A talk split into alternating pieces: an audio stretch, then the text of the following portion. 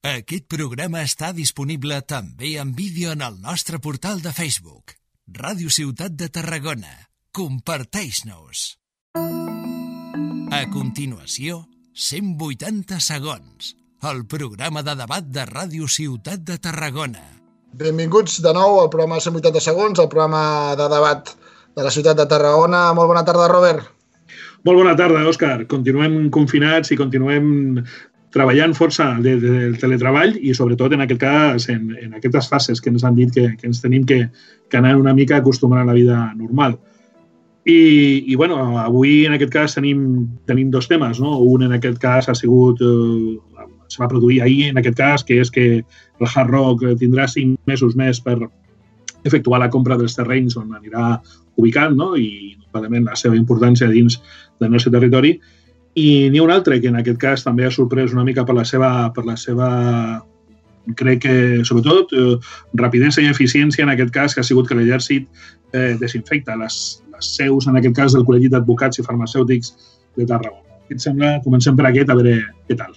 Sí, és un tema que ens ha, en, ens ha vinculat, diguéssim, a aspectes del passat, eh, veient el que passava ahir a, al Col·legi de Farmacèutics i d'Advocats de Tarragona.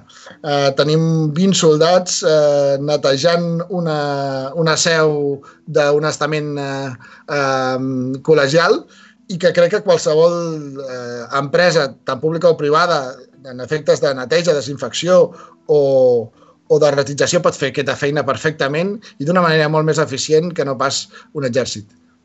Bé, la situació indubtablement no deixa de ser eh, diferent a lo que possiblement estem acostumats. No? L'exèrcit espanyol indubtablement fa molts anys que va canviar el seu tarannà, indubtablement ja no es dedica a anar a fer guerres ni a matar a gent, no? vull dir, indubtablement ja no és, eh, eh ja no és obligatori, sinó que d'alguna manera ja va, ja va patir pues, una reordenació i ara com si es planteja hi ha una unitat de militar especialitzada que és la que es dedica a donar aquest tipus de servei.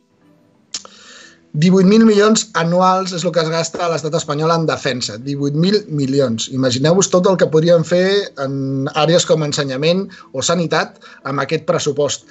Eh, un pressupost que, a més a més, eh, està completament obsolet perquè molta de la maquinària que es compra o que, o que es fa servir eh, doncs, eh, cau al començar a volar o no flota, si parlem de submarins, o, o tenim doncs, una despesa en salaris que és eh, desbordant. Si algun sentit té a dia d'avui un exèrcit és eh, per fer tasques humanitàries i hauria de ser de forma mancomunada a través de la Unió Europea o a través de l'OTAN o d'altre tipus d'estament que, que vinculés la seva acció directament als més necessitats, a països on hi ha confrontacions realment bèl·liques o a gent que té la necessitat de, de garantir doncs, eh, la seva supervivència eh, a través de mitjans com poden ser altres de les agències que ja coneixem, eh, ONGs o, o similars. Bé, no entraré a valorar si l'exèrcit en aquest cas és necessari o no. Jo crec que indubtablement l'exèrcit ja va patir fa aproximadament una vintena d'anys un, una reorganització i, un, i uns objectius completament diferents als que tenia en el seu moment i ara indubtablement possiblement necessita patir uns altres. El que sí que és ben cert és que l'exèrcit eh, espanyol en aquest cas ens ha de donar un servei, un servei en aquest cas és un servei humanitari local, no? No, no, no hem de sortir de les nostres fronteres, hem de continuar en aquestes tasques, unes tasques que possiblement a dia d'avui d'una forma desinteressada, com possiblement la, la fa en aquest cas la unitat, la UME, de l'exèrcit possiblement no, no la faria ningú. No? Eh, és ben cert que possiblement eh, encara encara assimilem el que és eh, armes a lo que és l'exèrcit i el que són soldats. Indubtablement són membres de l'exèrcit espanyol i en cap moment han vingut a, amb armes ni han vingut possiblement en un, en un destacament fent res més que no fos una tasca eh, del tot necessària per les, per les comunitats Sí, doncs veiem anualment eh, desfiles militares, veiem anualment eh, galardonar a gent amb, amb, amb uniforme i amb un munt de, de, de banderetes al pit i, i inclús els veiem a dia d'avui en, en conferències o en comunicats de premsa. Um, trobo, en sèrio, que, que si mirem l'entorn no veiem aquest tipus d'activitat i d'influència amb, amb el que són estaments militars. Uh, els estaments militars han d'estar simplement per això, per a garantir que hi hagi d'alguna manera uh, doncs, uh, una solució a problemes humanitaris i, i amb un pressupost podria dir d'un 1% del que s'està destinant a dia d'avui i que totes aquestes tasques que estan fent a dia d'avui la pot fer qualsevol altre estament a nivell local, a nivell provincial, a nivell eh, eh, doncs de país i, i no caldria comptar amb ells. Bé, me sorprèn, me sorprèn que, que fem demagogia en aquest cas amb una situació com la que estem vivint. No? Indubtablement l'exèrcit ha vingut primer perquè se'ls ha sol·licitat i així en aquest cas ha sortit a, als mitjans de comunicació, se va sol·licitant a, tra a través del col·legi d'advocats i han vingut a fer una tasca que possiblement en aquell moment no la podrien haver fet que no fos una empresa privada i possiblement en la situació en la que estem no ho haguessin sigut ni capaços. Crec que durant aquesta, durant aquesta pandèmia han realitzat suficients tasques com perquè en aquest cas l'exèrcit se'ls veia amb un altre, amb un altre tarannà i amb una altra visió que no sigui la del soldadito espanyol con un, con un CEDME en, en l'ombro. No? Jo crec que se'ls ha de veure des d'un altre punt de vista, sinó de, d'un estament, en aquest cas, que està al costat de la societat, que, que no té per què pegar tiros i que possiblement amb els pròxims anys eh, aquest debat que avui estem fent nosaltres possiblement s'hauria de fer amb uns altres jocs i intentar encaminar què és el que volem dels alumnes. Jo crec que la demagògia és eh, defensar tindre estaments militars. Eh, avui en dia no, no, no ha lugar i per això crec que hem de reclamar tant a les persones que els demanden el per què com a doncs, els governants que, que canvin el, el tarannà i que apostin per, per coses molt més productives i per àrees que realment tenen necessitats avui en dia, com poden ser la sanitària o l'ensenyament, que guanyarien molt més amb aquests diners destinats a això. Bé, jo crec que a cadascú lo seu. Jo crec que en cap moment s'ha de, de demanar a, a cadascú l'educació, la sanitat, en que tenen el seu pressupost i els han d'optimitzar. I el que han de fer és eh, fer-los rentables i no com possiblement ens hem adonat compte que amb una pandèmia com aquesta casualment la sanitat no estava tan bé com se'ns ha omplert la boca. Jo crec que l'exèrcit, de moment, amb la seva tasca que ha tingut que fer, eh, jo en aquest cas content estic de que a la meva ciutat també siguin capaços d'arribar i, com a mínim, venir a fer eh, coses, de, de, en aquest cas, eh, socials. Molt bé, Robert. Doncs tenim un segon tema, no?, que és eh, la prolongació de, dels terminis per a l'aplicació del, del projecte al Hard Rock. Què en penses? Bé, pues aquesta setmana, aquesta setmana ha sortit publicat en aquest cas als mitjans de comunicació que Hard Rock, l'empresa en aquest cas que gestionarà el Hard Rock, tindrà cinc mesos més per efectuar la compra de, de, dels terrenys on aniran ubicats. No?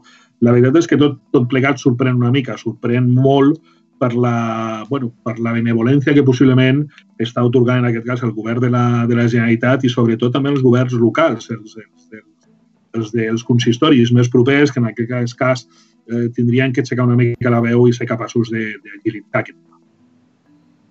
Sí, mira, doncs eh, parlem d'un sector que és el turisme, que jo crec que després de la pandèmia i que arribarà la greu crisi econòmica eh, és el que més es ressentirà juntament amb la restauració, l'oci nocturn, l'esport i d'altres. No? Eh, tenim un problema molt greu, que és que el distanciament social ens eh, priva de, de tindre molta gent en un sol lloc i això, diguéssim, que ho haurem de repensar. Bé, per situar els oients en aquest cas, eh, Hard Rock és una empresa amb molt d'ànim de lucre en aquest cas, que va decidir eh, a través de moltes pressions i de moltes situacions possiblement diferents a les que tindria qualsevol tipus d'empresa, instal·lar-se en aquest cas al costat de, de lo que és el complex del Port Aventura i en aquest cas eh, fer, la idea és construir hotels i construir casinos. No? És veritat que en aquest cas aquesta empresa comprarà aquests terrenys, els comprarà Incasol, que no deixa de ser una empresa una empresa de l'administració, en aquest cas que la seva vegada Incasol comprarà en aquest cas aquests terrenys a, a CaixaBank. No?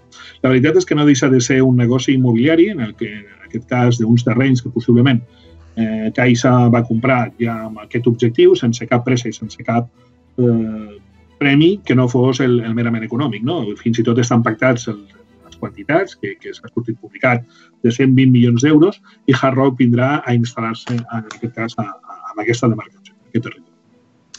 Aviam, el turisme, que és el que es vincula a aquest projecte del Hard Rock, eh, aporta a Catalunya un 12% del PIB. Per tant, no és residual, sinó que és quelcom realment important. El nostre entorn, el que és la Costa Daurada, eh, inclús encara augmenta aquest percentatge eh, per la necessitat d'ocupació, per la necessitat de, de generar treball i a la vegada de generar doncs, empresa eh, dedicada en, en, en aquest àmbit.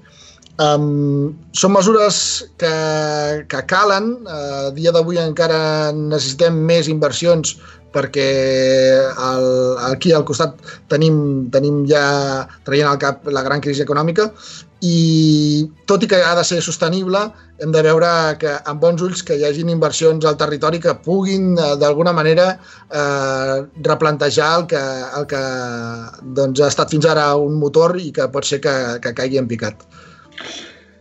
Me sorprèn, me sorprèn, me sorprenen dos coses, dos, dos coses diferents. No? Per un costat està la situació en la que no hi hagi cap administració que hagi sigut capaç d'agilitzar la situació en la que estem ara mateix. Eh, hem de pensar de que un cop s'hagi comprat els terrenys, la, la, en aquest cas, l'inici d'aquestes obres no serà immediat, amb la qual eh, me sorprèn que en una època en la que estem ara actualment cap administració sigui capaç de pressionar. I després me sorprèn una altra, una altra cosa, que curiosament eh, ja ningú parla, ningú parla de, en aquest cas de les benevolències que ha tingut aquest tipus d'empreses, en aquest cas pels tant per cels d'interessos a nivell de, de, de la contribució, i en aquest cas a canvi de que en aquest cas a nivell social tinguessin uns contractes laborals com, en aquest cas, com, com el millor possible dins d'un sector que possiblement està molt baix. Me sorprèn que tot això no s'hagi activat i me sorprèn molt més que de moment ningú hagi aixecat la veu en aquest sentit.